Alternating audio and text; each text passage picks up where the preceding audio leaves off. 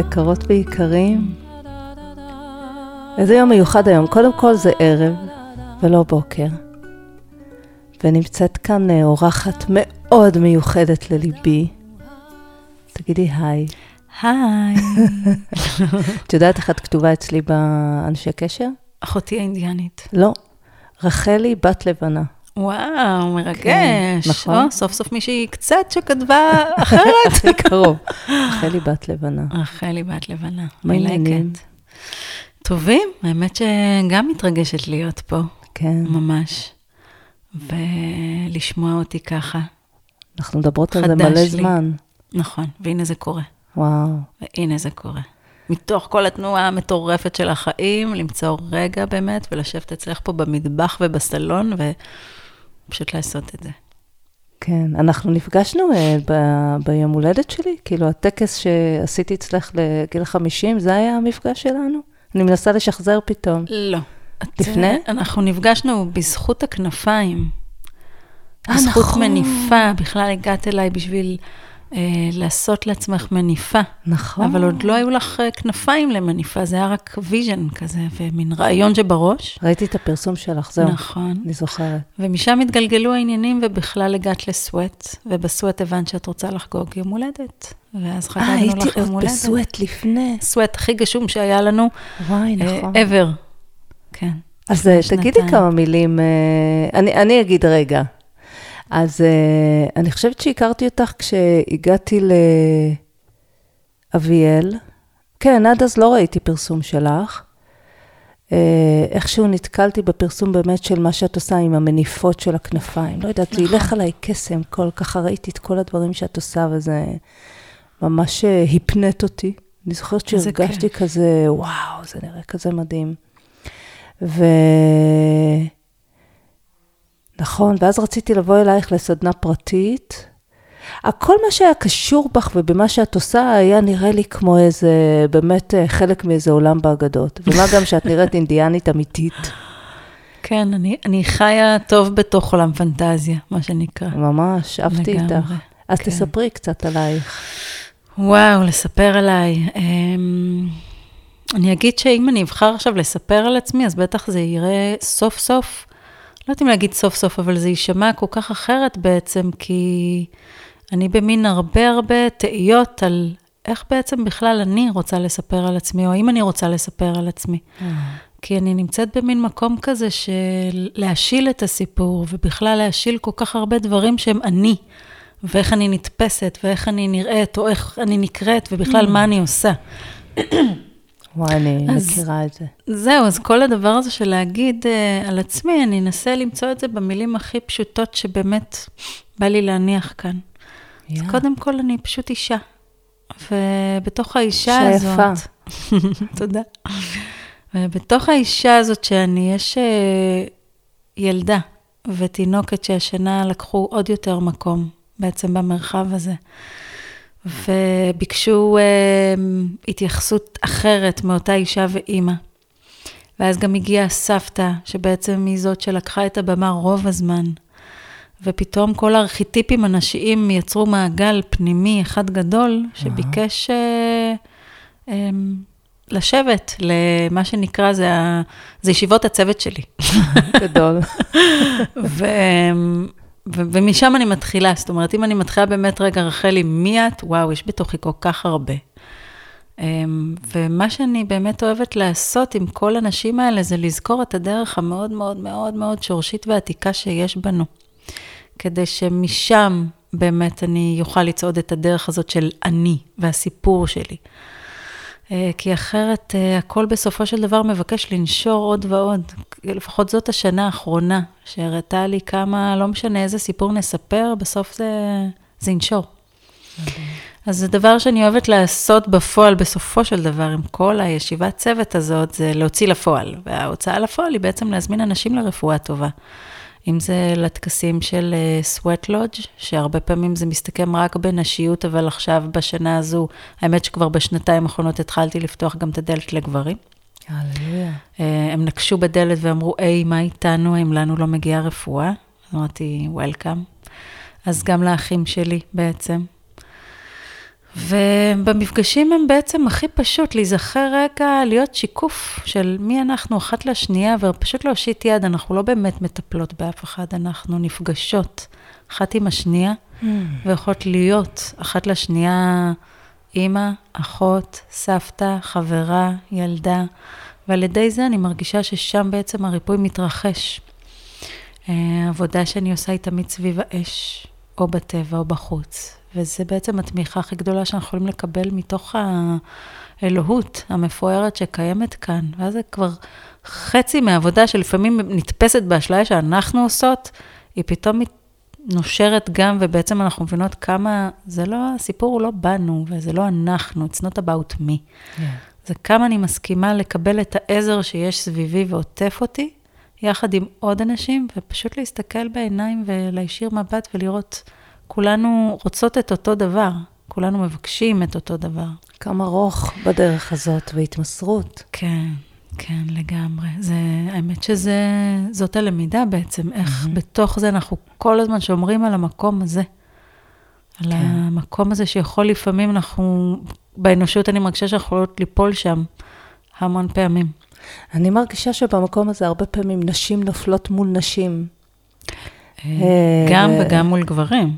כן, אבל יש משהו ב, באחווה הנשית, שאני מרגישה שזה חלק מאיזו משימה מאוד uh, עמוקה שאני הולכת אותה עכשיו, uh, והיא מאוד חשובה לי, היא להפגיש בינינו. אולי בגלל זה אני יושבת עם נשים עכשיו במטבח, אולי בגלל זה הסדנאות שירה שלי הם של נשים. משהו בה לחזור לאמון באמת באחווה הנשית. Uh, כי אני יודעת, אני גם יוצא לי לשמוע, אחד המשברי אמון הגדולים של נשים זה דווקא עם נשים. נגיד משהו בשוני בין גברים לנשים, הוא מאפשר את חוויית הפער, כאילו יותר קל לנו להכיל את זה. אבל כשאישה נפגעת מאישה, כמו יש את המשפט הזה, אישה לאישה כלבה. את זה עוד לא שמעתי. לא שמעת לא. את זה? וואי, אני שמעתי את זה. שמעתי הרבה, אבל... כן, אישה לאישה כלבה, אני שמעתי את המשפט הזה. וגם חוויתי את זה, חוויתי את זה מנשים, נגיד ש... האמת, מגיל צעיר אה, אה, היו כאלה נשים שאמרו לי שמאוד נבהלו מהנוכחות שלי. ישר חשבו שאני בן אדם מפחיד או מאיים. אה, ומאוד הצטערתי גם לפגוש את זה בשנתיים האחרונות, כששוב פעם קצת יצאתי החוצה לעולם, או שלוש שנים האחרונות במרחבים משותפים. כי אני יודעת בוודאות שזה לא הסיפור שלי, אני לא פה לאיים על אף אחת, אני בסך הכל הולכת דרך של התגלות ושל התהוות, ויש איזו עוצמה שהולכת איתי ומוקרנת דרכי, אבל היא לא מול מישהו, היא לא נגד מישהו, היא לא... אני גם לא מסתובבת בעולם בחוויה שאני צריכה לגונן על עצמי, אז אני לא כל הזמן בחוויה תקיפה.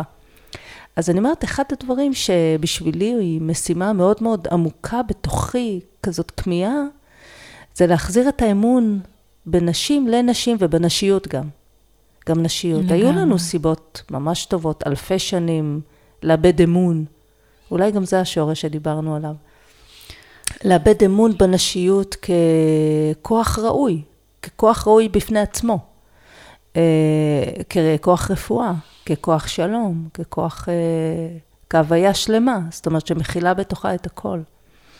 אז אה, אני לגמרי מבינה אה, מה את אומרת, וגם אני הייתי צריכה קודם כל את התהליך עם נשים, ומשהו בי מתחיל עכשיו להבשיל, לפגוש גם את הגברים בתוך, בתוך מרחב כזה. אבל משהו בי יודע שאולי בגלל שאני כל כך אישה, אני כל כך אישה, אני ממש אלפא אישה, אולי בגלל שאני כל כך אישה, אז אני יודעת מה לעשות עם נשים טוב. אני באמת הרבה פעמים אומרת לגברים, אני פשוט לא יודעת מה לעשות איתכם. אני לא יודעת מה, למה הם זקוקים באמת. בדיוק כאילו, למה שאמרת בעיניי. אני יודעת מה אני כאישה זקוקה. להיות אישה, כל כך אישה, שכשאני... אני מרגישה שכשהם רואים מולם אישה בשלמותה, הכוונה היא שאישה שהיא שלמה עם עצמה, כן? כן, עם הנשיות גם. אז הם מקבלים, זה בדיוק מה שהם צריכים. כי. יש עכשיו כל כך הרבה התבלבלויות הרי בתוך הדבר הזה, שנשים הן כל mm-hmm. כך הרבה פעמים או מסקליניות נורא, או גבריות, או מבולבלות, או מפחדות מגברים, ואז משהו שם הולך לאיבוד גם בלשקף לגבר, מה זה אישה? מה זה בעצם אישה? אם אתה, כשאתה מסתכל עליי, אתה פוגש את הצד הנשי, אה, השלם שבי, או שגם שם בעצם יש מלחמה של רגע, אני יותר חזקה, אני אראה לך, או הפוך, אני מפחדת ממך, ואז שוב, שם נוצר הבלבול. אז דווקא נראה כן. לי שכל מה שאמרת עכשיו זה בדיוק מה שגבר צריך לראות ולחוות. אישה. אני חושבת שכל אחד, אישה היא, היא יכולה להיות הכל, היא יכולה להיות גם גברית, היא יכולה, היום, היום אנחנו כבר יודעות שאין איזה טייפקאסט אה, מסוים, נגיד שמסתכלים עליו ואומרים אישה, זה באמת חוויה פנימית.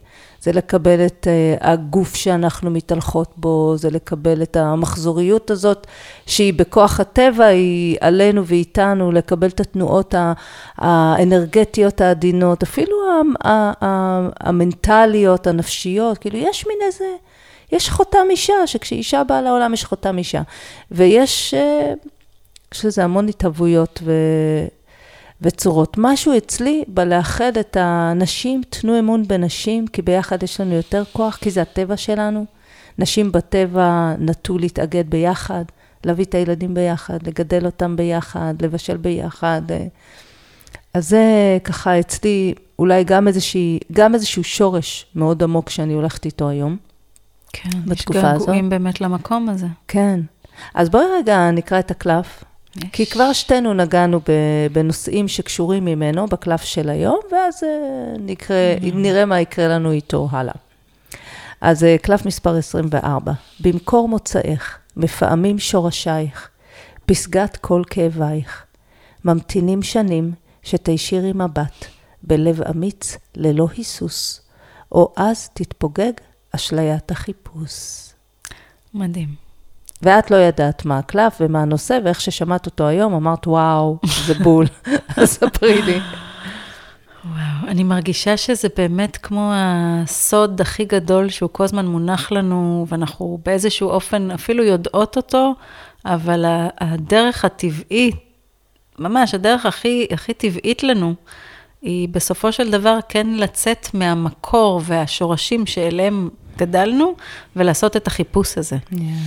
ו, ובתוך המקום הזה, לחפש, אני מתחילה ממש להבין בזמן האחרון בעיקר, שכמו, שלא נשכח גם למצוא. כי יש נטייה כזאת לצאת לחפש, אני בחיפוש, אני מחפשת. ואז אנחנו עסוקות רק בלחפש ולחפש ולחפש, ומי שמחפש לא תמיד מוצא. אז מה אם בעצם להגיד, אני רוצה למצוא את הדבר ש...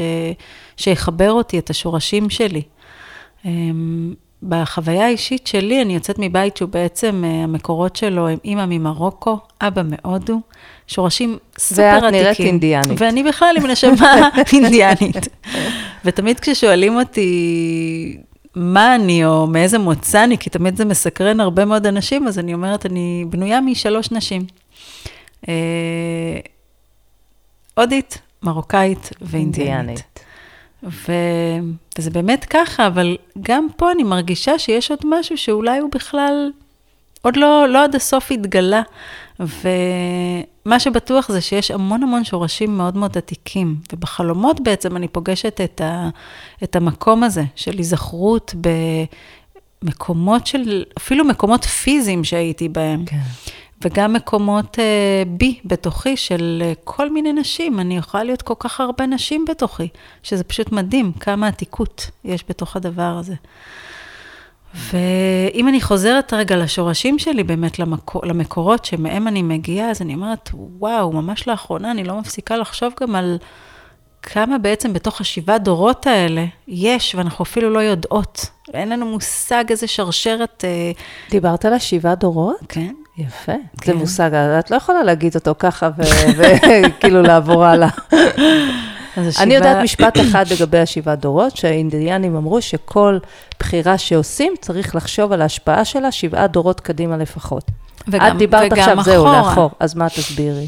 אז בעצם ה-DNA שלנו בנוי, אה, ואגב, לא רק אצל האינדיאנים, זה ממש בכל ה... אצל הרבה תרבויות שמאניות ובכלל, זה ספירה של שבע אחורה, שבע קדימה, מה שיוצר mm-hmm. את ה-14. וה-DNA שלנו בעצם בנוי בצורה כזאת שיש בו כל כך הרבה זיכרונות שהם כמו בקפסולות זה בנוי, Mm-hmm. בצורה כזאת שיושבים שם הזיכרונות, לא רק, ה, גם הזיכרונות הטובים, אבל גם הזיכרונות הפחות טובים, כמו טראומות. ברור. ואז אנחנו בעצם סוחבות את זה. ויש אה, אישה בכל זמן שלה, בציר זמן שלה ובדורות שלה, שיוכל כמו לפרוץ את השרשרת הזאת, את ה... זאת אומרת, תמיד נוסעים שבעה דורות? בדיוק. וואו. הספירה היא תמיד שבעה. שוב, את יודעת, פחות או יותר זה כן. ה... וברגע שלמשל, אני מרגישה שבשנה הזו, אחד הדברים שקרו במסע שלי, זה שהיה קול של סבתא שלי, שעל שמה אני קרויה בעצם, רחל, אה, שאמרה, את יכולה. ואני צועקת ואומרת, לא, תשחררו אותי. באיזשהו ממש vision שקיבלתי, ועומדות סביבי כמות עצומה של נשים, של סבתות מתופפות בתוף, ובעצם אומרות לי, את יכולה, את יכולה. ואז היה איזושהי נקודה כזה שהבנתי שיש בקשה מה, מה elders שלי. מהשושלת. מהשושלת העתיקה שאומרת, יש איזה משהו שאת תפרצי, וזה עבור כולנו, וזה עבור הילדים והילדות והנכדים והנכדות, בעצם המחשב, הידיעה הזאת, זה לא מחשבה, זה ידיעה פנימית, שברגע שאני יודעת אותה, כשאני, אני- זה מעודד אותי, ואפילו גורם לי בעצם לעשות עוד יותר את העבודת עומק שלי, את העבודת נשמה שלי, כי זה לא רק אני. שוב, זה לא, it's not about me, זה, yeah. וואו, רגע, אנחנו, זה בדיוק ה- הדבר הזה, כשאומרים, כולנו אחד. מה זה כולנו אחד? זה באמת הדבר הזה, רגע, אני מחוברת לשרשרת אינסופית, נכון. שקשורה בך ובי, ובה ובו, אפילו אנשים שאני לא מכירה, ואז אני מבינה, וואו, זה, זה בדיוק זה. כן. אז השבעה דורות זה, אני חושבת שזה אחד הסיפורים שלנו כאן בעצם. לבוא ולהבין שהריפוי הוא כל כך קולקטיבי, הוא כל כך ברחב, הוא לא בסיפור האישי הקטן שלנו. אנחנו לפעמים שוקעים לתוכו, אבל משם בעצם אנחנו יכולות לפרוץ. כן, המפגש עם הקולקטיבי הוא נעשה דרך זה שאנחנו פוגשות את הסיפורים שלנו. נכון. האישיים שלנו. נכון, אבל שלא ניתקע כן. שם. שלא לא ניתקע ונערבב את הביצה הזאת מדי, אלא נרים מדי פעם את הראש למעלה, נסתכל גבוה על הכוכבים, ובעצם נבין שוואו, רגע, יש זה ערך. רחב יותר. ואז נוכל להביט גם פנימה עמוק יותר, ולהגיד, רגע, זה גם עמוק יותר. זאת אומרת, אנחנו במידל וורד עם הסיפור שלנו, אבל כן. אה, זה בין העולמות בעצם. וואו, אמ, וזה דבר ענק, לגמרי. לגמרי. וזה לחזור הביתה. סבתא רחל שאמרת מאיזה צד?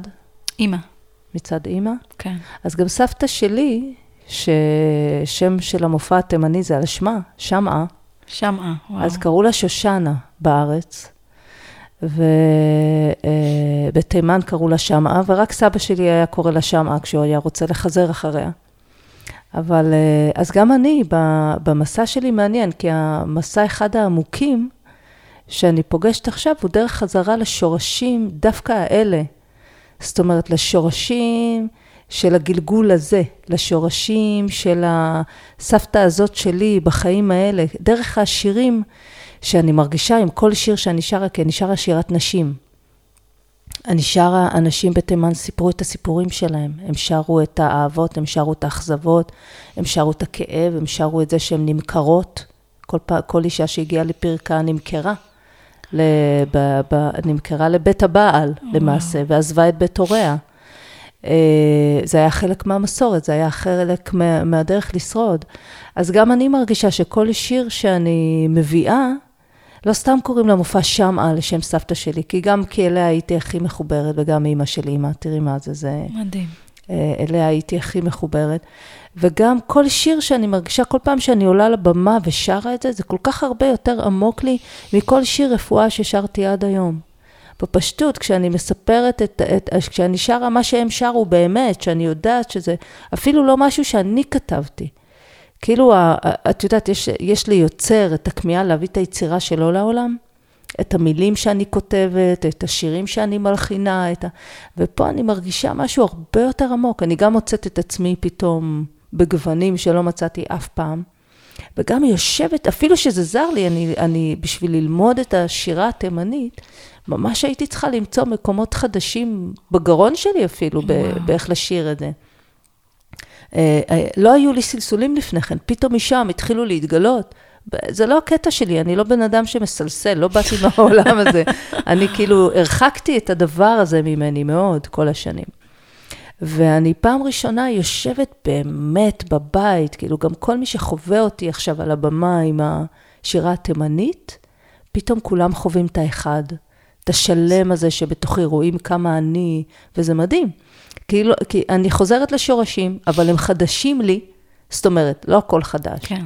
אבל על לשיר את התימנית, לגלות את השפה, לגלות המשמעות, פתאום לקחת בעלות על השורשים שלי, להגיד, זו אני, אני מפה.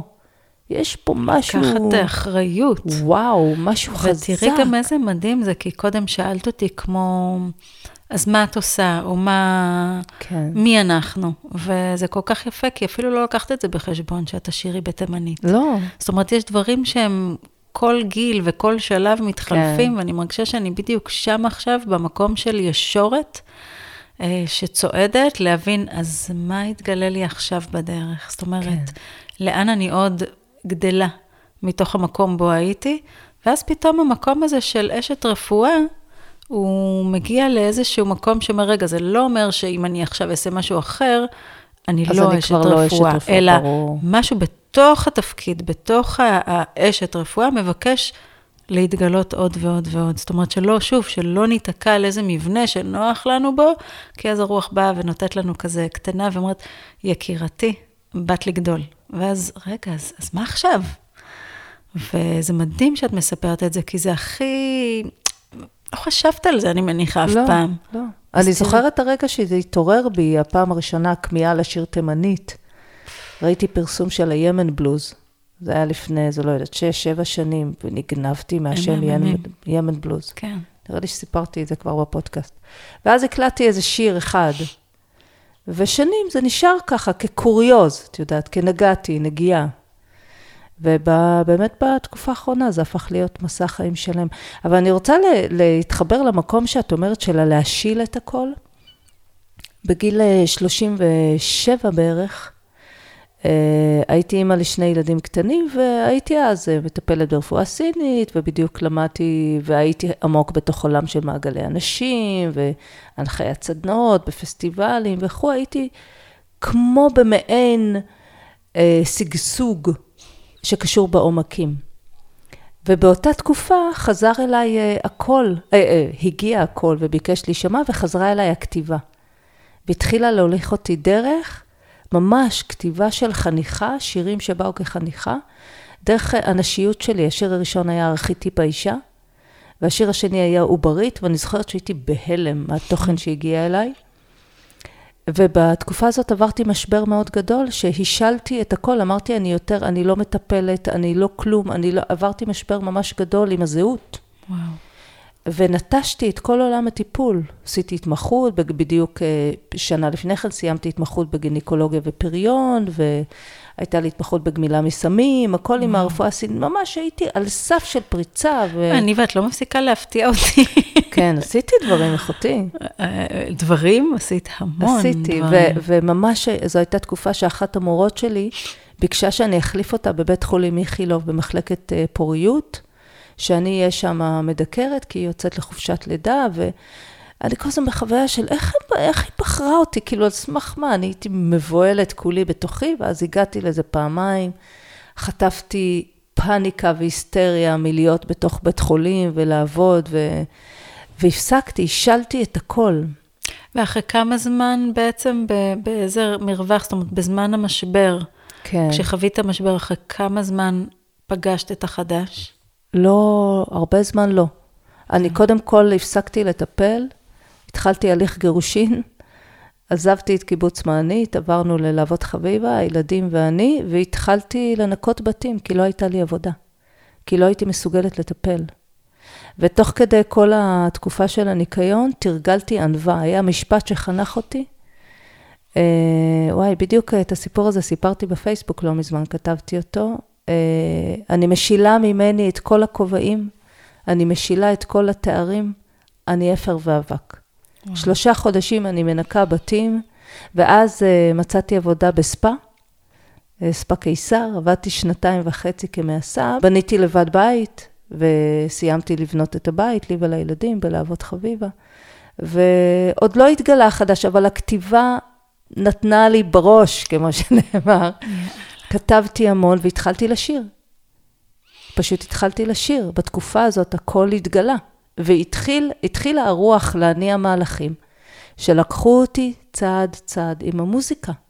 פשוט המוזיקה התחילה להתעורר, ותוך כדי, בתקופה הזאת, דווקא שהשלתי הכל והייתי בריק נוראי, הייתי, ב... זה היה שבר מאוד מאוד גדול, אפילו שבחרתי, אבל שבר מאוד גדול. בתקופה הזאת גם היו לי המון חלומות וטקסים בחלומות, והייתה תקופה, כאילו, בתוכי הייתה מאוד uh, כבדה, אבל היא הייתה, מישהו היה מדליק את האור בחלומות, והיו מגיעים אליי, וואו, הדרכות ומתנות uh, מדהימות, הכל, כמעט הכל כתוב ומתועד, ו... ו... איזה מרגש. ואז התחילה מחזוריות חיים אחרת. של, אה, שוב, חזרתי לבית, בניתי משפחה, היה לנו מדהים, הייתה לנו משפחה, פרק ב' אה, מדהים, ככה עשור. עד ששוב פעם, הרוח דרשה ממני לצאת ולהתממש כמוזיקאית במלואי. כמוזיקאית, ומה שאני עושה היום, בשלוש שנים האחרונות. שזה היה באיזה גיל בעצם? מה? היציאה החדשה לדרך? כן. אה, שנייה, חושבים.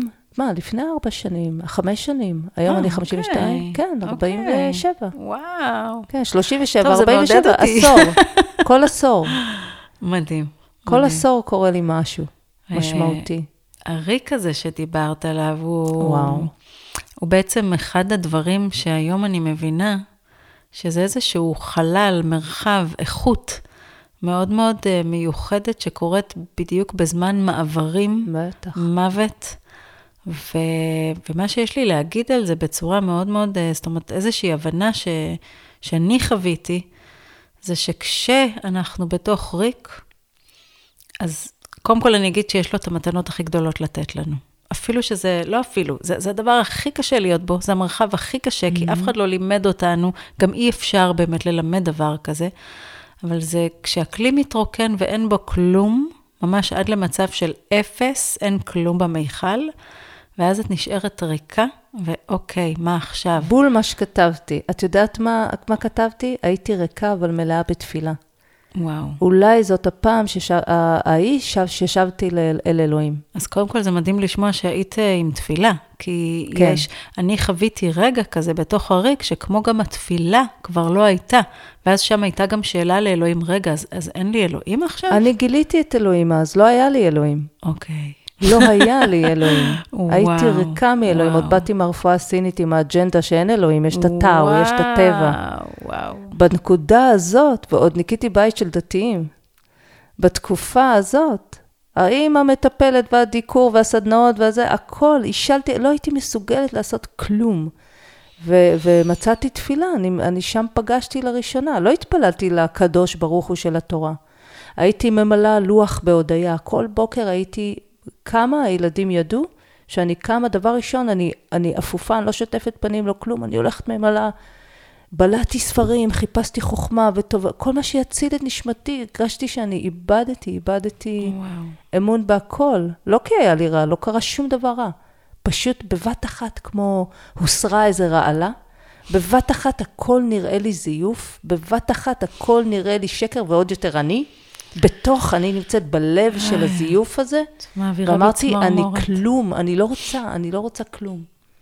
וואו, זה חזק. זה חזק מאוד. זה חזק, ואני גם כל כך מבינה על מה את מדברת, כי הפעם הראשונה שחוויתי את המקום הזה בעצם של הריק המוחלט ושאין כלום, הוא, הוא ממש לפני שנה, בגיל כן. לקראת 43. כן. אה, עוד רגע אני 44, ו... 4 4. אהבה אהבה. 4 4. את יודעת שאהבה זה 4? לא. בנומרולוגיה? וואלה. כן. 4 4. יש, אז יש לי דאבל. יש לך דאבל. דאבל אהבה. זוכרת הדאבל קסט? את המה? דאבל קסט, הטפים. זוכרת. בסוגריים. היה לי אחד כזה. גם לי. לבן ענק. שחור גדול. וואי וואי. אמ, מה ש... מה שבאמת, באמת, המתנה שאני רוצה לשזור פה, לכל מי שיקשיב לדבר הזה, ובכלל זה משהו שאני מהדהדת עכשיו בעולם, כבני אנוש, אנחנו כל כך ממהרים להלחש, למלא, לרגש, אה, בכל מה שרק יכול למלא את המיכל שלנו. והמתנה של הריק היא לרוקן אותנו עד כלום, עד אפס, וגם להשאיר אותו ריק בחושך, לא באור נוצץ, אלא חושך אמפטי, מערה, ולהגיד, היה רגע שפשוט באתי למלא את המיכל הזה, כמו, אוקיי, אז מה עכשיו? ואז היא אמרה לי, לא, תישארי ריקה, תלמדי להיות מיכל ריק, שכשתבחרי במה למלא, זה יהיה כל כך מדויק ובקפדנות שתדעי בדיוק את הדבר הנכון, ולא כי צריך לשתות, לאכול, כן. לעשן, לקחת, לעשות, ל... לא, פשוט מיכל ריק. אני מרגישה שעד עכשיו אני מתרגלת את הדבר הזה. אני צועדת ב- בישורת עכשיו שאומרת, אז מה עכשיו? והמה עכשיו הזה הוא לא משהו שאני רוצה לחפש אותו, אלא משהו שאני פשוט מעצם ההבנה שזה מה שאני הולכת עכשיו, ברגע הנכון, הזיהוי של מה, מה זה, הוא פשוט יהיה הדבר, ולא, אוקיי, בוא נלקט כל מה שרק אפשר, נאסוף בדרך ונמלא. לגמרי. ו- וזו מתנה אדירה, כי היא לא פשוטה, היא, היא ממש לא פשוטה. היא קשה, אבל, אבל היא, היא אמיתית, נכון. היא עמוקה, היא, אה, היא אלוהות בעצם. ואגב, המקום שאנחנו באות ממנו הוא מה זה אחר במקום? הנה מצאתי משהו שאנחנו מאוד... אה, מה? אני גדלתי עם אלוהים. מבחינתי, כן. אני הייתי ילדה שנולדה הבת המיוחדת של אלוהים, הוא נשק אותי בראש ואמר לי, את הילדה המיוחדת שלי. וואו. וככה גדלתי, וקרו לי הרבה דברים בדרך שיכולתי, כמו אמ, להגיד, אין אלוהים, איבדתי אח בגיל צעיר, איבדתי אבא בגיל צעיר, ועדיין המשכתי כי הרגשתי שאלוהים שומר עליי. אני תפסתי טרמפ כנראה על זה שאבא שלי נהרג כשהייתי ילדה, והחלטתי שאני, האמת, הזיכרון הראשון שלי אה, על כעס הוא דווקא בבית הכנסת, בגיל, אה, אבי עדיין היה בחיים, והיה לי משבר שם עם הדת, כי מאוד כעסתי על זה שהגברים בהיכל הקודש ואני בעזרת נשים, אני ממש זוכרת את זה חזק, את הזעם הזה. ואז אבא נהרג. ו, ובשכונה שלנו, אה, שכונה מאוד מסורתית ועדינה, ודווקא הדת שם באה בצורה מאוד יפה, ו, אבל אני לא יודעת מאיפה באה לי, בא לי החוצפה. אנחנו היינו חילונים במשפחה. אבל בכל זאת הייתה איזושהי מסגרת. אבל אני, היה לי חשבון עם אלוהים כנראה אולי מאז שאבא נהרג. ואני זוכרת שפעם אמרו שאסור לקלל את אלוהים, כי השמיים יפלו עליכם, וככה הד... זה אצל הדתיים. כן, הפחדות. מי שלא שם כיפה, השמיים יפלו עליו, אסור להשאיר נעל הפוכה, השמיים יפלו עליך, אלוהים יכעס עליך, אסור היה להגיד מילים כמו ישו, כמו זה, זה היה כאילו אמרנו את הדבר הכי נורא בעולם. ואז באיזשהו גיל, אני חושבת שזה היה משהו כמו שבע, הייתי ילדה. אני יצאתי מחוץ לבית וקיללתי את אלוהים. וחיכיתי לראות אם השמיים יפלו עליי, והם לא נפלו. ומאז אני, אני חושבת שאז פתחתי חוזה, או פתחתי חזית מול אלוהים, ואז uh, אני קוראת גם בשירים הפילוסופיים של הכאב שכתבתי בגיל 15 ו-16, היה לי ויכוח מר, איפה אתה אלוהים? היה לי ויכוח מר. אה, אז, אז לפחות שנאתי אותו, ואז הכרתי בקיומו, ואז הגיעה תקופה של חיי, שפשוט כחשתי, לא, לא עסקתי בו, מרוב שהייתי, אני לא רוצה להגיד מה עשיתי כסימבול כאנטי דת בשביל אה, להוכיח שאין שום אלוהים ואני לא וואו. לא מאמינה בו, הכל היה, כן. איזה מדהימה, איזה אומץ למרוד ככה. וואו, אה, במי אני אמרוד? כי... זהו, אז יודעת. אני לא העזתי למרוד, כי לא היה לי במי למרוד, והאמנתי ודבקתי באלוהים, מבחינתי זה היה אל אימא שלי, אבא שלי, סבא שלי, סבתא שלי. כן. ורק השנה, אני מה זה רבתי איתו. אני נכנסתי בו, אני כעסתי, ובאמת מצאתי את עצמי ברגע. מה קורה כאן? אני הבת האהובה שלך, מה קורה לי השנה? מה קרה? איך זה שאתה אומר לי לא על הכל? איך זה בכלל שאתה משאיר אותי לבד בחושך? בלי כלום, ריקה. חמודה. ואז התעורר בי המקום של, רגע, לא מרדתי, אני לא מרדתי, לא היה לי במי, ואפילו לא בך, אלוהים. ואז... זה, ואז ראיתי כמה זה חשוב, אז אני אומרת לך, סחטיין, שעשית את זה. אני יכולתי רק בו למרוד, כי, ב, כי הייתי ילדה טובה. בתכלס. כן, גם אני, אבל לא חשבתי אפילו למרוד באלוהים. זאת אומרת. אז, אז כן, אני חושבת שזאת הנקודה שש... זאת, אני יודעת שזאת הנקודה ששבתי, כי דרך זה, ההדרכה, דרך השירים, ההדרכה התחילה להביא לי המון המון מדנ... מתנות וחוכמה. המון המון, אני קוראת דברים מלפני עשור ומלפני 13, ואני נדהמת, כאילו, אני אומרת, יואו, קודם כל, איזה מזל שהערוץ הזה נפתח לי. והוא נפתח דרך הכאוס הזה, דרך העיבוד, דרך הריק הזה. אני לא יודעת אם, אם לא הדבר הזה הוא זה שגרם לי ל... ל, ל, ל הייתי, איבדתי כל חוויית ערך עצמי, אבל תוך כדי זה תפקדתי ותמיד הייתי חיונית בחיים, mm-hmm. ועם הילדים, וכל משבר היה בתוכי, הוא לא השפיע לי על אורח החיים, מעבר לזה שהפסקתי לטפל וניקיתי בתים שלושה חודשים, וכאילו בניתי את עצמי מאפס. שזה די, די מה שאני מרגישה שאני עושה ב... בשנים האחרונות, אני בונה גם, אורח חיים הוא לא באמת, באמת מאפס, אבל אני באמת יצרתי מרחב חיים חדש לחלוטין ממה שהיה לי קודם. איזה מרגש. ויש בו המון מהפירות של המסע הראשון שיצאתי ברור, אליו. ברור, בטוח. הפירות האלה עכשיו הם, אה, כאילו, הזרעים ההם, עכשיו פירות. זה בסופו של דבר, בתוך המסע שלנו, המון אבני דרך. בוא'נה, איזה פודקאסט, איזה פרק חשוף נהיה פה? נכון. ממש, מה את עושה? בקיצור, אמת, כן. אנחנו עושות אמת. כן, הכל כתוב, האמת שאני הכל כותבת, אין... אין אז כן, שורש. התחלנו, התחלנו עם השורש. אז כן. אנחנו נוגעות בשורש של הדברים. לגמרי, לגמרי, ושנינו באות נשמע מבתים כל כך אה, עתיקים ועמוקים. מתי אבא שלך נהרג? בת כמה היית? הייתי בת אה, 11 וחצי, ממש רגע לפני הבת מצווה שלי. וואי, ממה הוא נפטר? תאונת דרכים. וואי, אוח. אבל אני סגרתי את זה כל כך יפה, עטפתי את זה נורא יפה, כאילו לא היה, כאילו לא הייתה שם חוויה טראומטית. כן, גם אני. חושבת שזה, זה אבל, זה האליפות שלי, זה, שם אני מאסטרית. אני יכולה בעצם אה, שמשהו יקרה, ואני ממשיכה. Mm. אמ, ופה הבנתי השנה שלא יותר. כן. זהו. זאת אומרת, אין מצב לא להתאבל, אין מצב לא לכאוב, אין מצב לא לבכות, אין, זה לא יכול לקרות יותר. ו... ופה המתנה הכי גדולה בעצם שקיבלתי, לפגוש את הכאב, ממש כמו שזה כתוב בקלף. בשורש. בעצם לפגוש את הכאב הכי הכי עמוק, שמרגיש את החוויה עצמה ולא את הידיעה, אה, כן, כי, כי לעשות עבודה על המוות של אבא שלי ואח שלי עשיתי כל החיים, ויפאסנות ו vision quest וטיפולים, ואני, מה זאת אומרת, אני מרפאה את עצמי. וכשהגיע בעצם המשבר של הכאב הגדול והשיל ממני כל רעיון של אני יודעת מי אני, או, או, או בכלל של הגנה, הבנתי כמה זה לא היה בחוויה, אף פעם. זה היה... יודעת מתי לי זה קרה? בגיל 31. וואו. הזכות להתאבל על אבא שלי. לא לספר את הסיפור של המוות, אלא להתאבל כן, באמת. כן, כן, להיות עם הכאב 31. עצמו, באמת. עם הכאב האמיתי של איפה זה פגש את הילדה שהייתי אז. וואו, ואחייך, כן. מה, מתי, בת כמה היית? אה, הייתי בת חמש בערך. וואו. הוא היה גדול אה, ממך? הוא היה גדול ממני בכמה שנים. וואו. שמה בכלל אני מבינה ששם היה ריק גדול, כי שם הרי לא איבדתי רק אח, איבדתי גם אבא ואימא באיזשהו אופן. כן. כי. בעצם הם היו באבל, כן. ופה יש לי חור שחור שאני לא זוכרת ממנו הרבה. זאת אומרת, מה שאני מבינה זה שיש פה איזשהו אה, חלל שאין לי מושג איפה רחלי הייתה בזמן הזה, מה קרה.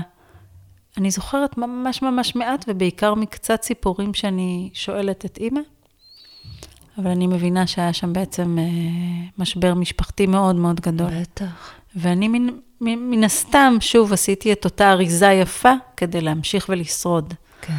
אמ, ואז זה עבר גם עד לאבא, בעצם בגיל 11 וחצי, ואז קלטתי שאני בעצם אישה חזקה בעולם, כי זה מה שלימדו אותי להיות, תארזי את עצמך וקדימה, תהיי חזקה. והייתי, וזה באמת מה שעשיתי. גם מה שמדהים אותי היום זה להגיד לרחלי הישנה, כמו, תגידי, איך עשית את זה? זאת אומרת, איך עשית את זה? איך עשית את זה? איך המשכת לצעוד ויצרת לעצמך כזאת בועה, כאלה חיים באמת יפים ומוצלחים, אבל זה היה בנוי הכל על מרתף שהחזיק את כל הטראומות. ואז כן. כשהמרתף התנפץ, אז כל המבנה היפהפה נפל יחד איתו. לא לגמרי נפל, אני רואה אותך פה מהממת. לא, לא, נפ, נפל כדי להיבנות מחדש, אבל היה חייב לקרות שם מוות לרגע. לרגע היה חייב להיות שם מוות. באמת של לחוות מוות. אני חושבת שאף פעם לא חוויתי את זה כמו... וואי, את יודעת כמה גלגולי מוות בתוכי אני חוויתי? אני אלופת העולם. אני, אני יודעת, אני מכל הקצת שסיפר. אני לא סתם פגשתי אותך, ניבה, לקראת ממש, השנה הזאת, כנראה כן. כדי שתהיה לי אחות לדרך שתוכל אה, להגיד לי, מה זאת אומרת? זה, זה קורה כל הזמן. אני, וואו. ולי זה היה, אלוהים, אני לא מאמינה, מה, מאיפה באת? יש לי גם שיר כזה. אה, יש לי כמה שירים שמתארים, ויש לי גם את הקעקוע הגדול של אה, עוף החול. כאילו, אני ממש מכירה את החוויה, אני ממש מבינה אותה, את הערך שלה, את המשמעות שלה, את ה... וואו. ברמת חוויה. זה לא פשוט, כן, אבל uh, תמיד הייתי, את יודעת, תמיד הייתי אדם פרודוקטיבי בחיים. אף פעם לא קרה לי שנפלתי לאיזושהי חוויה שמנעה ממני לחיות או לתפקד. כן. תמיד תפקדתי, תמיד הייתי... אבל אני מכירה את החוויות האלה כן, כן. מאוד עמוק, ויש בהן המון המון מתנות. לא שאני מזמנת את עצמי לשם, כי זו לא חוויה פשוטה. לא. אבל לא. יש המון מתנות. אבל גם לא שזה שואל אותנו, זאת אומרת, כשבאמת זה כן. צריך לקרות, אז החיים, הרגשתי שהם חוטפים. הם, הם פשוט חוטפים אותך לרגע ואומרים, כן. עכשיו, לא, עכשיו את כאן. אמ, כן, לי זה היה חדש, כי זה גם קרה בגיל יחסית, למרות שהרבה אומרים לי שזה קרה בגיל מוקדם, כמו החניכות לאלדריות שלנו. כן. יש לה איזשהו שלב בציר זמן שלנו בגילאים מסוימים. אומרים בדרך כלל 52, לא זה מה שאמרו לי עכשיו. יפה. בגילי. לא, אבל רגע, יש את גיל, משבר גיל 40, ואז משבר גיל 50, נכון? כן. אז זאת אומרת... לא, לא יודעת, אני לא חוויתי משבר, אני פשוט יצאתי לדרך חדשה.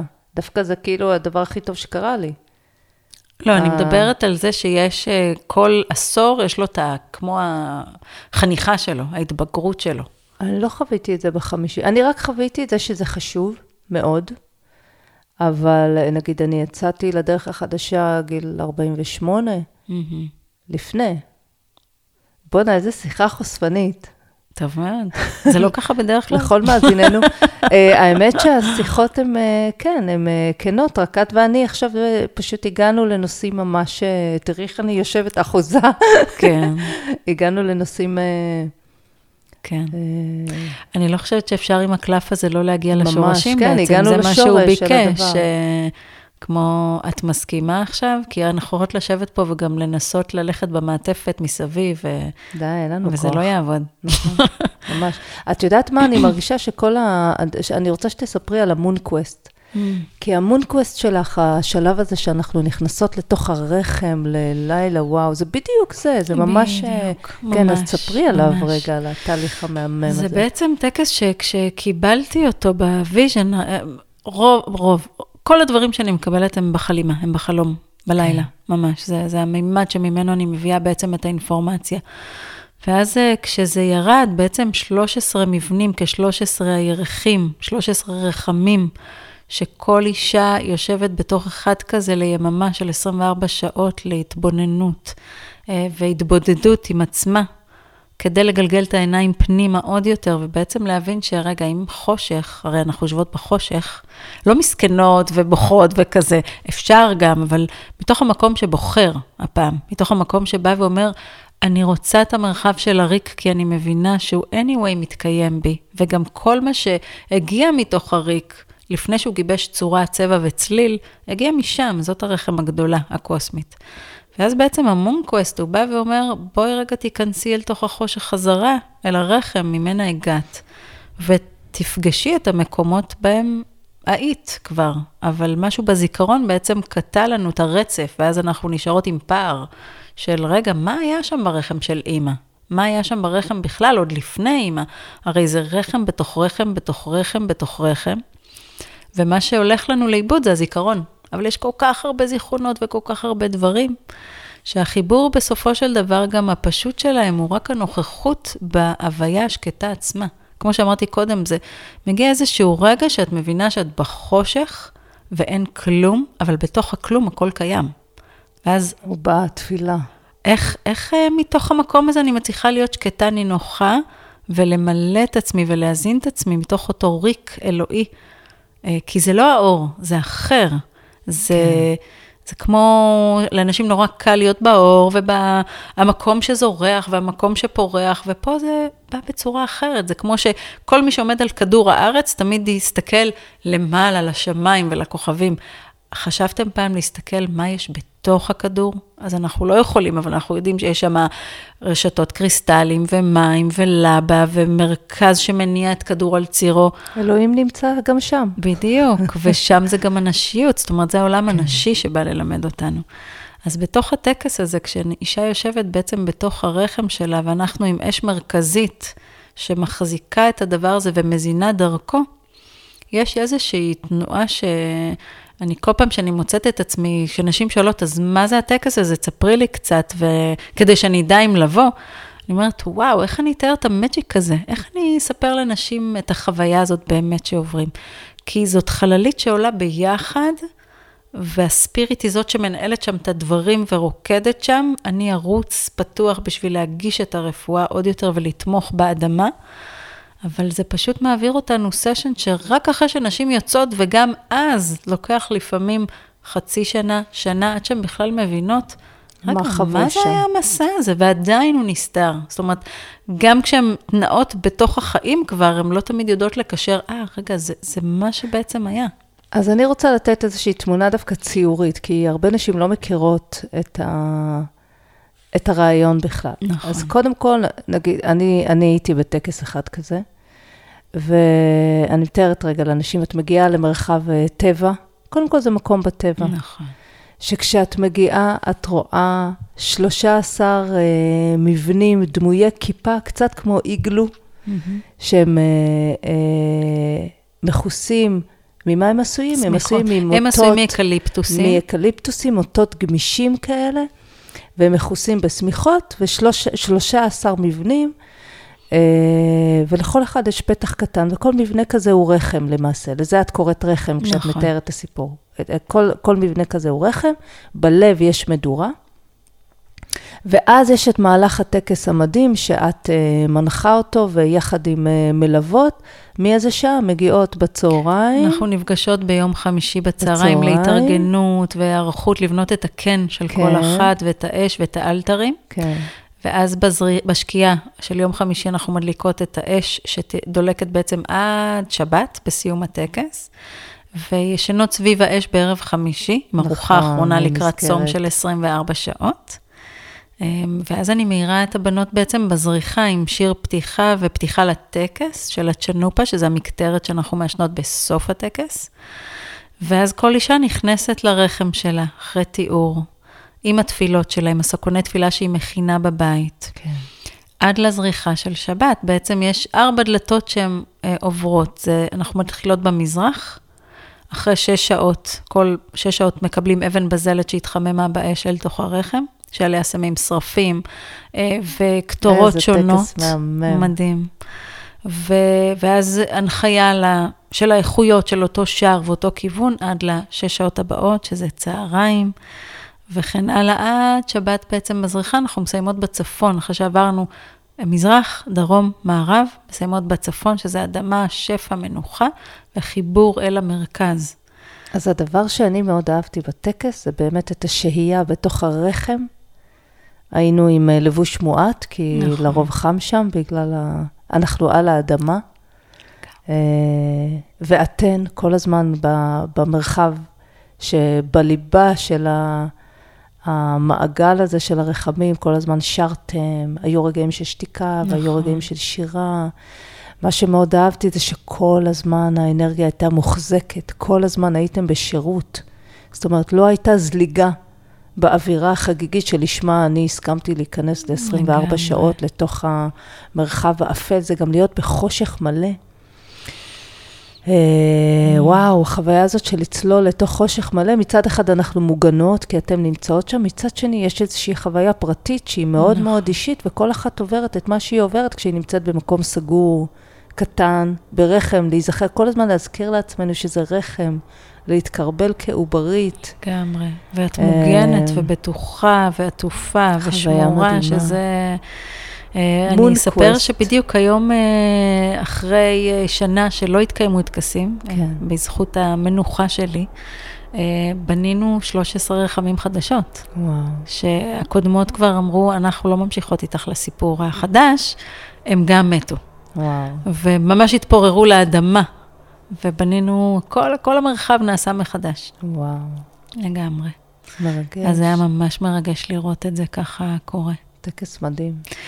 כן, אה, הרבה שואלים אותי, תגידי, הוא היה פעם, הוא באיזה, מאיזושהי מסורת עתיקה? ואני, אני לא יודעת, או שככה נולדת מסורת בעצם, ואז מי יודע כמה זמן זה יימשך ויעבור הלאה, או שאולי זה היה פעם באחד החלומות ו... ועכשיו חוזר, אנחנו כן. כל כך לא יודעים. אה, מה שבטוח שזה הגיע, כשזה מגיע בתוך ה vision זה כבר קיים. למה 13? זה ה-13 ירחים? כן. מה? תסבירי. 13 ירחים בעצם לא סופרים בעברי. כאילו לא, לא נותנים משמעות ל-13, שזה נורא עצוב בעיניי, כי מה זה בעצם ה-13 ירחים? יש את מחזור מ-1 עד 12, זאת אומרת מינואר עד דצמבר, והירח ה-13 הוא בעצם המרחב שאומר, זה הקסם, זאת האלוהות, זה החושך, זה הכל, והוא תמיד קיים. הוא כל הזמן נע בין הדברים. ואותו לא, לא נותנים לו מקום בעולם המערבי. כי מה זאת אומרת? אין חושך ואין רע ואין אה, לבכות ואין צער ואין כאב. שוב, אותו מקום שאנחנו מדברות עליו, של... הוא, הוא הוציאו אותו מתוך התרבות, וזה כל כך, אה, לי זה כואב ש, שלא נותנים לו את המקום הזה, בעצם נקרא ירח השחור. כן. הצד האפל שבנו, הצל שלנו, האם יש לו מקום בתוך הספירה, בתוך המעגל. אז הירח ה-13 הוא בכלל, מתוך 13 אמות הקדומות של השבט, הספר הזה, הוא מדבר על האם ה-13, שבאה ואומרת, אני מאחדת ומגשימה את כולכן על האדמה. בעצם בזכות הדבר הזה זה יכול להתקיים. כי אי אפשר בלי חושך ואי אפשר בלי, זאת אומרת, זה, זה משלים את כל המעגל, את כל הסרקל. אז יש רחם מסוימת בטקס הזה שלך שהיא ה-13? אמ, כן. כן, היא ממש יושבת במזרח, והיא מחזיקה את הכניסה של המרחב, יחד עם הירח הראשון. אני נכנסתי לראשונה. את היית בראשונה. כן. את שמרת, את החזקת איתי, את החזקת בעצם את המרחב של השערים. וואו. כן. וזה מדהים, כי כל אישה בוחרת את המרחב שלה ממש אינטואטיבית. לגמרי. והיא לא יודעת איזה כיוון, איזה משמעות, איזה אימא זאת, ואז היא פשוט מתיישבת שם. מדהים. כן, זה, זה מרגש. רחלי, ספרי משהו על המשפחה החמודה שלך. המשפחה שאני יצרתי? כן. וואו, יש לי את המשפחה הכי מתוקה בעולם. ברור. קודם כל, בזכות ה... הגבר שלי, שקוראים לו שמעורר קנאה, הקשר שלכם מעורר קנאה בכל אישה שצופה במחזה. כן, האמת היא ש... את יודעת, אנחנו מדברים על זה הרבה, כי הרבה שואלים אותנו, תגידו, איך, מה אתם עושים בשביל שזה יעבוד ככה? והיום אני מבינה ש... באמת היום אני מבינה את זה, שזה פשוט, זאת המתנה. אני לא, זה לא שאני עושה איזה פל... כמובן שאני משקיעה בקשר ומאמינה בתוך המונוגמיה הזאת. כן. ושומרת את הדבר, ברור, גם אני וגם עומר, אבל יש לנו משהו מעבר, יש איזו כימיה כזאת שקיבלנו מהרגע שנפגשנו, וגם משהו בחיבור שלנו שהוא באמת קל. הוא באמת קל, יפה. ואז אני לא רוצה שזה יישמע כאילו, תשמעו, תעשו ככה וזה יעבוד ותעשו ככה, כי זה לא תמיד נכון, זה איזשהו משהו שפשוט, זאת המתנה שלנו. כן. וכשאני אומרת את זה, אני מתכוונת, כי כל אחד יש לו את המתנות שלו, וחשוב שנזהם מה. אז עומר הוא פשוט איש נדיר. לגמרי. נדיר, באיך שהוא אוהב אותי, באיך שהוא, כל בוקר, בוקר טוב מלכה, שלום יפה. זה רק כל הזמן מזכיר לי כמה, היי, וואו, איזה מדהים אתה, שאתה פשוט לא מפסיק לראות את זה. ואני לומדת ממנו הרבה על זה, כי אני דווקא הפוך ממנו, אני אישה מאוד של עצמי. כן. אני כמו, איך הוא אמר לי, את אף פעם לא תתמסרי עד, עד, עד הסוף לגבר שלך, אה? ואני כזה, תשמע, יש שם איזה מקום שתמיד ישמור, אני אשמור אותו אליי. אז, אז אנחנו מלמדים שם המון אחד את השני במקום הזה. ואנחנו חגגנו חודש 20 שנה, ירדנו לסיני בשביל זה, כן, וואו. ממש. ויש לנו שני דרקונים בנים מהממים, את זוהר בן 13 וחצי, שהשנה הוא חגג בר מצווה, ואני לא האמנתי שזה יהיה כזה שער, כזאת חללית לחניכה שלי כאימא. וקסם, כשמו כן הוא, בן 11, ושניהם פשוט מורים הכי גדולים שלנו, הכי גדולים. השנה באמת, שוב, אני מדברת הרבה על השנה הזאת, כי השנה כן, באמת עברתי עברתי המון המון המון. חלק מתוך זה היה באמת האימהות, ש... ש... האימהות, נושא האימהות והאימא שאני. והבנתי כמה פחד יש לי בעצם בגידול, שהם לא ייפגעו, שלא יקרה להם, שלא יהיה להם. ואז קלטתי שכל ההשלכה הזאת היא בעצם על הפצע שלי. Mm. שכשאני הייתי ילדה, וואו, אבא שלי עזב, אח שלי עזב, חוויתי המון כאב, המון עצב, רק שהם לא יחוו את זה, שהם לא יקבלו. ואז הבנתי כמו דבר ממש גדול של, את יכולה רק להיות לידם כשכל מה שיקרה להם יקרה להם. מעבר לזה, זה לא בידיים שלי, ושחררי שליטה במקום הזה. זאת אומרת, איפה שיש מקום לשליטה, מעולה, איפה שאין, תהיי לצידם. אני חושבת שזה ההבדל של מה שלי לא היה, כשאני נשארתי עם הדברים בכאב. בעצם נשארתי עם הכאב לבד. כי לא הייתה מספיק יכולת אז לתת את זה, אפילו לא להורים שלי, הם לא קיבלו כן. מספיק תמיכה, אז בטח לא אני. ואני מרגישה שאני עושה המון תיקון במשפחה שלי, זאת אומרת, זה הדבר באמת הכי יקר לי, זה כמו, ה... זה הפנינה שלי, עליה אני שומרת. ממש. את יודעת שלי כל הזמן חוזר שהפנינים שלי זה הילדים שלי? זה לגמרי זה. זה הם. זה לגמרי זה. כל הזמן זה חוזר, כל הזמן, אם אני יוצאת לאיזשהו סיבוב, תמיד הדבר, נגיד כל ויפאסנה, שאני הולכת, ואז באמת הניתוק הוא משמעותי, זה עשרה... Mm. עשרה ימים נטו, לא לראות, לא לדבר, לא כלום, תמיד, בכל הלופים שאני, הרי, הרי צפים המון דברים, עולים המון דברים וכו', בכל הלופים שאני עושה, אני תמיד מגיעה לנקודה הזאת, שבה הילדים שלי מהבהבים אליי כמהות החיים שלי. כאילו, הדבר הכי משמעותי עבורי בחיים האלה, קשור תמיד בילדים שלי, תמיד. נכון. ואצלי זה לא, כמוך גם בזוגיות, זה באמת הילדים. אז אני, אני מאוד מבינה את זה, את המקום הזה. אני ממש מסכימה איתך, ואני חושבת שנראה לי שרוב האימהות, אם לא כולן, כן. זה הדבר, כי הם יצאו מתוך מדהים. הרחם שלנו. איזה מדהים. זה מדהים, כי אין לזה, אני מנסה להסביר את זה לבנים שלי, כמו, תגידו, כן. אתם מבינים שלא משנה מה תעשו, ולא משנה איך, אני פשוט תמיד אוהב אתכם בצורה שהיא... כן. ואני אגיד אבל משהו ממש ממש חשוב, ששוב אני אציין, כן, זה, זה קרה לי גם בעבר, אבל השנה ממש הבנתי את זה עוד יותר לעומק. מי שנוספה זה גם הילדה שבתוכי, והבנתי שאני לא רוצה להזניח אותה או להשאיר אותה לבד, כי בעצם היא ישנה, הבהירה לי כמה הפצע ש, שבתוכה היה גדול, כמה הכאב היה עמוק, וכמה הוא לא קיבל מקום, והוא לא קיבל שום חיבוק.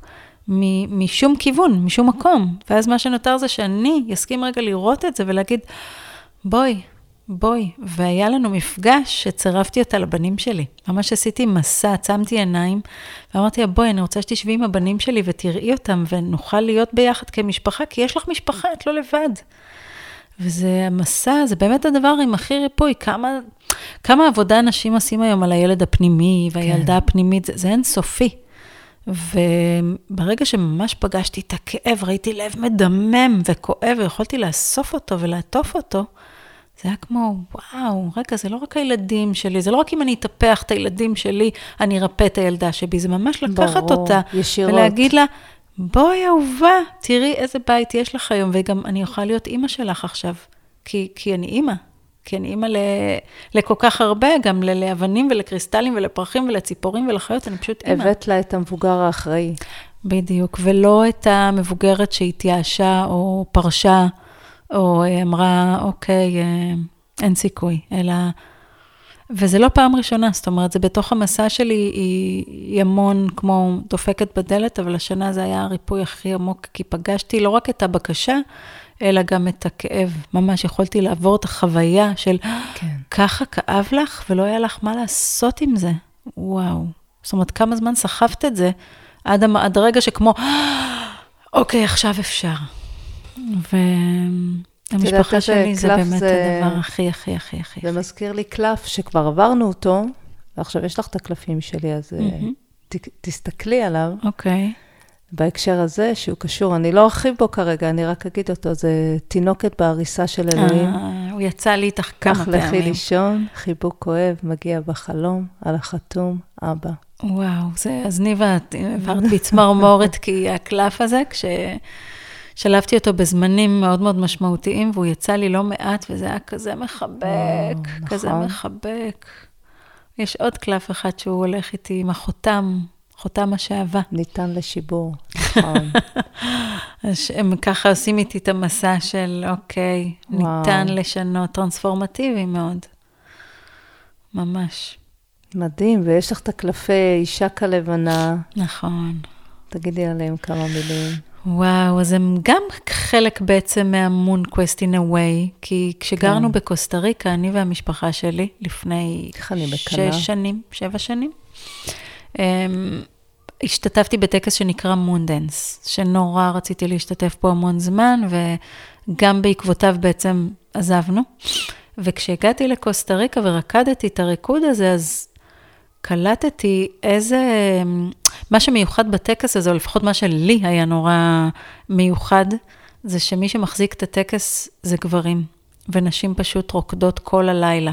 וואו. ארבעה לילות עם הלבנה שזורחת בצורה גיאומטרית, בצורה של חיות אה, על, על המרחבים מתוך ארבעת השערים, שוב, של המעגל רפואה השמאני. ו, ושם נפתחו בתוכי איזה שהם קודים מסוימים של נשיות, של ארכיטיפים, של כל מיני נשים שמלמדות אותנו להיות פה בעוצמה שלנו, במלוא הפוטנציאל הנשי שלנו. ואז הם ירדו אחת, אחת, אחת, אחת, ואז גם תוך כדי, זה לקח שלוש שנים, כל הדבר הזה, ירד גם סטרקצ'ר מאוד מעניין אה, וברור. ואז אמרתי, אוקיי, אבל מה אני עושה עם זה? מה, מה אני עושה עם כל האינפורמציה הזאת? ואז ירדה חפיסה, וירדה קופסה, ואז אמרתי, אבל. מי תצייר? אני אכתוב, סבבה, אני רואה אתכם, אבל מי תצייר? ואז יצאתי למסע ציד, חצי שנה למצוא את הציירת. והגעתי אליה, והגעתי אליה, וזה היה פשוט מושלם, כי ברגע שנתתי לה ותיארתי לה בתיאור את הקלף הבית, שהוא קלף אישה כלבנה, זה היה בול, זה היה זה. היום הם נמכרים והם בכל העולם, אה? נמכרים בכל העולם, והם עושים עבודה ורפואה נפלאה, ואני לא מפסיקה לקבל הדהודים וצילומים ותמונות של איפה הם, אני אומרת, יואו, זה חזק, זה חזק בעצם לשלוח פיסות מאיתנו, מבלי שזה מתפרק מאיתנו, אלא כמו אורות, חלקיקי אורות שמתפזרים כן. בעולם ועושים את העבודה ופועמים, זה חזק, זה, זה. עצום. אז אני כל כך מבסוטה, ואני אספר פה ואגלה סוד קטן, שאני מתחילה כבר בתוכי, זאת אומרת, נתגלה לו החפיסה החדשה, שזה נשות הצללים בעצם, סיפרת. שגם להם מגיע מקום, וזה בעצם שוב אותו מסע שעברתי של האם... אז שאלתי, אני זוכרת ששאלתי את המלווה שלי, המטפלת, אה, אבל את חושבת שמישהו ירצה לקנות אותם? אז היא אמרה לי, אני לא יודעת אם מישהו ירצה לקנות אותם, אני רק יודעת שמישהו, שהעולם צריך אותם. כן. וזה היה לי, זה הדהד לי נורא נורא חזק, שבעצם זה שוב בדיוק המקום הזה של רגע, אם תסכימו לראות נשים גם בצד האפל שלהם, בצד הפחות זורח, הפחות יפה, אה, והם אכן נעשו רפואה טובה. כן. ובכלל, אני חושבת שזה גם מחבר אותי לאותו מקום של כשאנחנו יוצרות יצירה ומוציאה אותה לעולם, אז uh, האחריות, כמו שדיברת, אני מחזירה אותנו לתחילת השיחה עם השבעה דורות. אנחנו לא יודעות מה תהיה התמורה של מה שאנחנו מרגישות שצריך להוציא לעולם תחולל, וזה יכול להיות הדבר המיוחד הזה שישבור את השרשרת או הרצף של הזיכרונות. הכואבים, או המתעללים, או ההרסניים מדורות קדימה. אז נגיד, גם אני, כשאני עושה משהו, אני כל הזמן מזכירה לעצמי שמה שחשוב זו היצירה עצמה. ופחות מי יצרוך אותה, או כמה יצרכו אותה, כי אני לא יודעת, למשל, מה יקרה אחרי שיאזינו לפרק שלנו. או מה, באיזה אישה או גבר זה נגע, איזה שערים זה פתח, ולאן, את יודעת, השערים האלה יחוללו, ו- ו- ומה הם, הם יביאו לעולם. אני רק יודעת שיש קריאת לב, ואת יודעת. ואנחנו יוצרות את זה לעולם. נכון. ו... נכון, אני חושבת שבזה בעצם uh, התמקדתי גם בקלפים, כן. כי הרבה פעמים ניסו להוריד אותי מ... לא, אל תעשי את זה עגול, זה מורכב, אל תעשי את זה ככה, וכ... ואני אמרתי, תשמעו, אני הולכת פה עם משהו שהוא... Uh, וואח, אני הולכת עם ההכוונה שלי, כן. ואם זה לא יהיה זה, אז אין לי שום רצון לעשות את זה. זאת אומרת, משהו שם יורד, אז... וזה מחזיר אותי לקלף הזה, של להיות מחוברת לשורשים. כי השורש, שוב, הוא, ה- הוא ה- הדבר שמנחה אותי בעולם הזה, אם אני נטועה טוב, גם עם הרעיון שלי, אז אני יודעת שאני עושה את הטוב שלי. כן. שאני אצל... כי, זה, כי זה, ה... זה הבית, משם אני יוצאת. ושלא נצא מהבית שלנו לשום מקום ולאף אחד, אלא נבוא עם הבית שלנו אל הדבר ואל כל אחד. ואז אני יודעת שאני אני בעצם יושבת בכיסא שלי. האמת שאת אחת הנשים באמת אה, חדורות האמונה, כאילו את באמת מדברת רוח והולכת עם הרוח וחיה את זה באמת. אה, במקום הזה אחת הנשים הנדירות. וואו. שחיה you walk your talk. Hmm. זאת אומרת שכל מה שאת מלמדת, יש לו מין איזו צורה לפעמים... אה, כל, כל הדרך האינדיאנית, השמאנית הזאת, יש, לפעמים זה, זה יכול להיתפס כמו תפאורה. נכון. ואצלך זה חיים אמיתיים. נכון, כן. כן. זה, האמת שזה משהו שאני מרגישה שעם הזמן, כשהוא נהיה יותר ויותר, הוא קצת עושה לי כזה, לפעמים צמרמורות בגוף, כן. כמו הנפנוף נוצות והפניות שמגיעות. כן. אז אני אומרת, אבל תזכרי שאם את הולכת את זה אמת, אז, אז בסדר, רחלי. ואין מה לעשות, זה גם דרכו של עולם, שהכל נהיה לפעמים טרנד, ונורא כן. בחוץ, ונורא יפה, וזה סקסי ואקזוטי ו whatever. כן. אמ, אבל כן, זה לא פשוט, זה, זה, זה עידן, זה בעידן עכשיו, מה שנקרא. וכולם רוצים לנפנף בכנפיים. כן. לגמרי. וזה, אבל באמת להיות עם יד על הדופק כל הזמן, לראות שאנחנו באמת שלנו, שאנחנו עושים את מה שאנחנו אוהבים. מתוך מקום. אני יכולה להגיד גם עליי, שהרבה פעמים אני כמו עוצרת, ובעיקר שוב, אחרי שהכל נשר, אז עכשיו אני, רגע, מה עכשיו? מה, מה אני שמה על עצמי עכשיו? כן. אחרי שהרוח הפשיטה אותי ואמרה לי, תעמדי מולי ערומה, נראה אותך. ככה, ערומה. ו, ובעצם הסתכלתי ואמרתי, וואו, רואים לי, רואים לי הכל. Mm, כמו השיחה פה היום. כן, ואין מה להסתיר. חשוף. אבל מה אני שמה, איזה כסות אני שמה על עצמי עכשיו? כי אני יכולה לבחור. מכירה את המשוררת לאלה? לא. לאלה משוררת הודית מהמאה ה-14. היום היא נחשבת לקדושה, היא הייתה מסתובבת ערומה. וואו. היא לא הסכימה לשים עליה שום כסות, כי היא אמרה שהיא מאוחדת עם אלוהים. וואו. בשביל מה? היא אומרת, בשביל מה נשים בגדים? איך זה שלא שמעתי עליה אף פעם? כי היא לא כזאת אה, מפורסמת, אבל יש לי ספר שלה. אוקיי. מדהימה. לאלה, גם כן, שם יפה. כן, לאלה, נכון.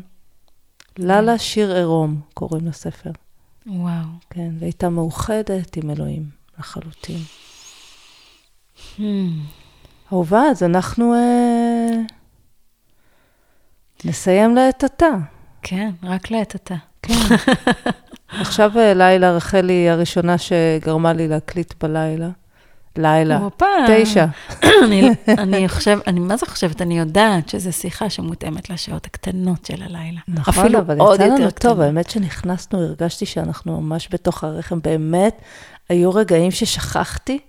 שאנחנו מקליטות. לגמרי, לגמרי. בדיוק חשבתי ממש. על זה כשדיברנו, אמרתי, אה, וואו, זה כל כך כבר, זה כל כך ביתי, שזה כן. מדהים. את רואה מה קורה אצלי במטבח? מדהים. אז זה מה שקורה. זה אסירים. אז אה, וואו, נכון, בחשנו בקדרה. זה אסירים, כן. אז מה את, אה, ככה, לסיום, mm. לא יודעת, ברכה, איזו ברכה שמאנית. האמת היא שאיך ששאלת, זה דבר שראיתי, זה הריק. Mm. בא לי באמת אה, לברך אותנו, כן. את כולנו, שנדע להכיל בתוכנו את המקום הזה. אמ, שבא ומתחלף בזמנים מסוימים בחיים, ועכשיו לתוך הריק הזה בא לי שנכניס אליו את הפריחה האביבית שיש עכשיו. זאת אומרת, כן. יש עכשיו כזה אביב יפה בחוץ, שלי לפחות זה, זה עושה ממש, גם לי. אה, מלבב בלב, מה שנקרא. כן. לצאת הרבה לטבע, לראות את הצבעים, לנשום את הפרחים, להתמלא מהם, כי הם לא סתם פה. השמלה הזאת של אימא האדמה, היא מתחלפת עכשיו, יש לה כל מיני, לובשת פעם צהוב וורוד ואדום ולבן וסגול, ופשוט לצאת לקבל את ההטענה הזאת מהטבע. בתוך ה... מתוך החורף הזה שאנחנו יוצאות, יוצאים. כן. מהמערה, אבל שכן נבדוק אם יש שם עוד משהו שכן מבקש עוד התייחסות. זאת אומרת, לא לעשות את הטריקת דלת וללכת ולהגיד, זהו, אביב הגיע, פסח בא. אלא, שנייה, מה עוד מבקש, האם יש איזושהי התייחסות, ואז פשוט uh, לצאת בעדינות וברכות אל הטבע היפה שבחוץ. כן, אולי זרעים שיעדיפו אה, לא, לא לבקוע עכשיו ולחכות עוד סיבוב. אני, אה, אני הייתי שם שנה שעברה, לא משנה כן. איזה אביב היה לי, היה חושך בפנים. כן, וואו. ומה שהוא אמר לי, את בהמתנה למתנה עדיין, אז תישארי בתוך ה... מתנה למתנה. אמ, אז כזה, בעדינות ל- לאביב שבפתח. יופי. כן, אז תודה. תודה לך. ותודה לך שסוף סוף אה, הצלחנו, נכון. ובאת, והשארת לנו אה, ערך כל כך משמעותי. אני ממש סקרנית אה, להדים שיגיעו מהשיח הזה שלנו. ואני רוצה להגיד שאני מאוד ממליצה להכיר אותך ואת אה, דרך האמת והעבודה שאת עושה, ובטח את הטקס טקס מונקווסט, שאני רק מחכה להזדמנות שאני אוכל לבוא לתמוך ולתמוך. בו, אני גם וואו, מחכה לך שתבואי. ממש. אה, וזהו, ולילה טוב. וניבוש, גם לך אני רוצה מותק? להגיד שזה כזה... זאת מתנה. את גם שכנה שלי, את גם חברה שלי. גם אוהבת אותך. ולדעת שיש לי את האפשרות, מה שנקרא, ללמוד ממך ולהיות לידך, כי את השראה, את ממש Mm. אה, גודס. אה, אנושית על האדמה, תודה לאל. אז אה, זכיתי, הללויה. ממש, תודה. אוהבת אותך. Love you too. Love you too. לילה טוב. Love you three. Let's drink some witch tea. Witch ביי. ביי ביי. כל השבילים, לאן הם מובילים, כשמתמסרים אל חסד, רק לשאוף לנשום עמוק, הטעם כה מתוק, כשאין למה להיאחז.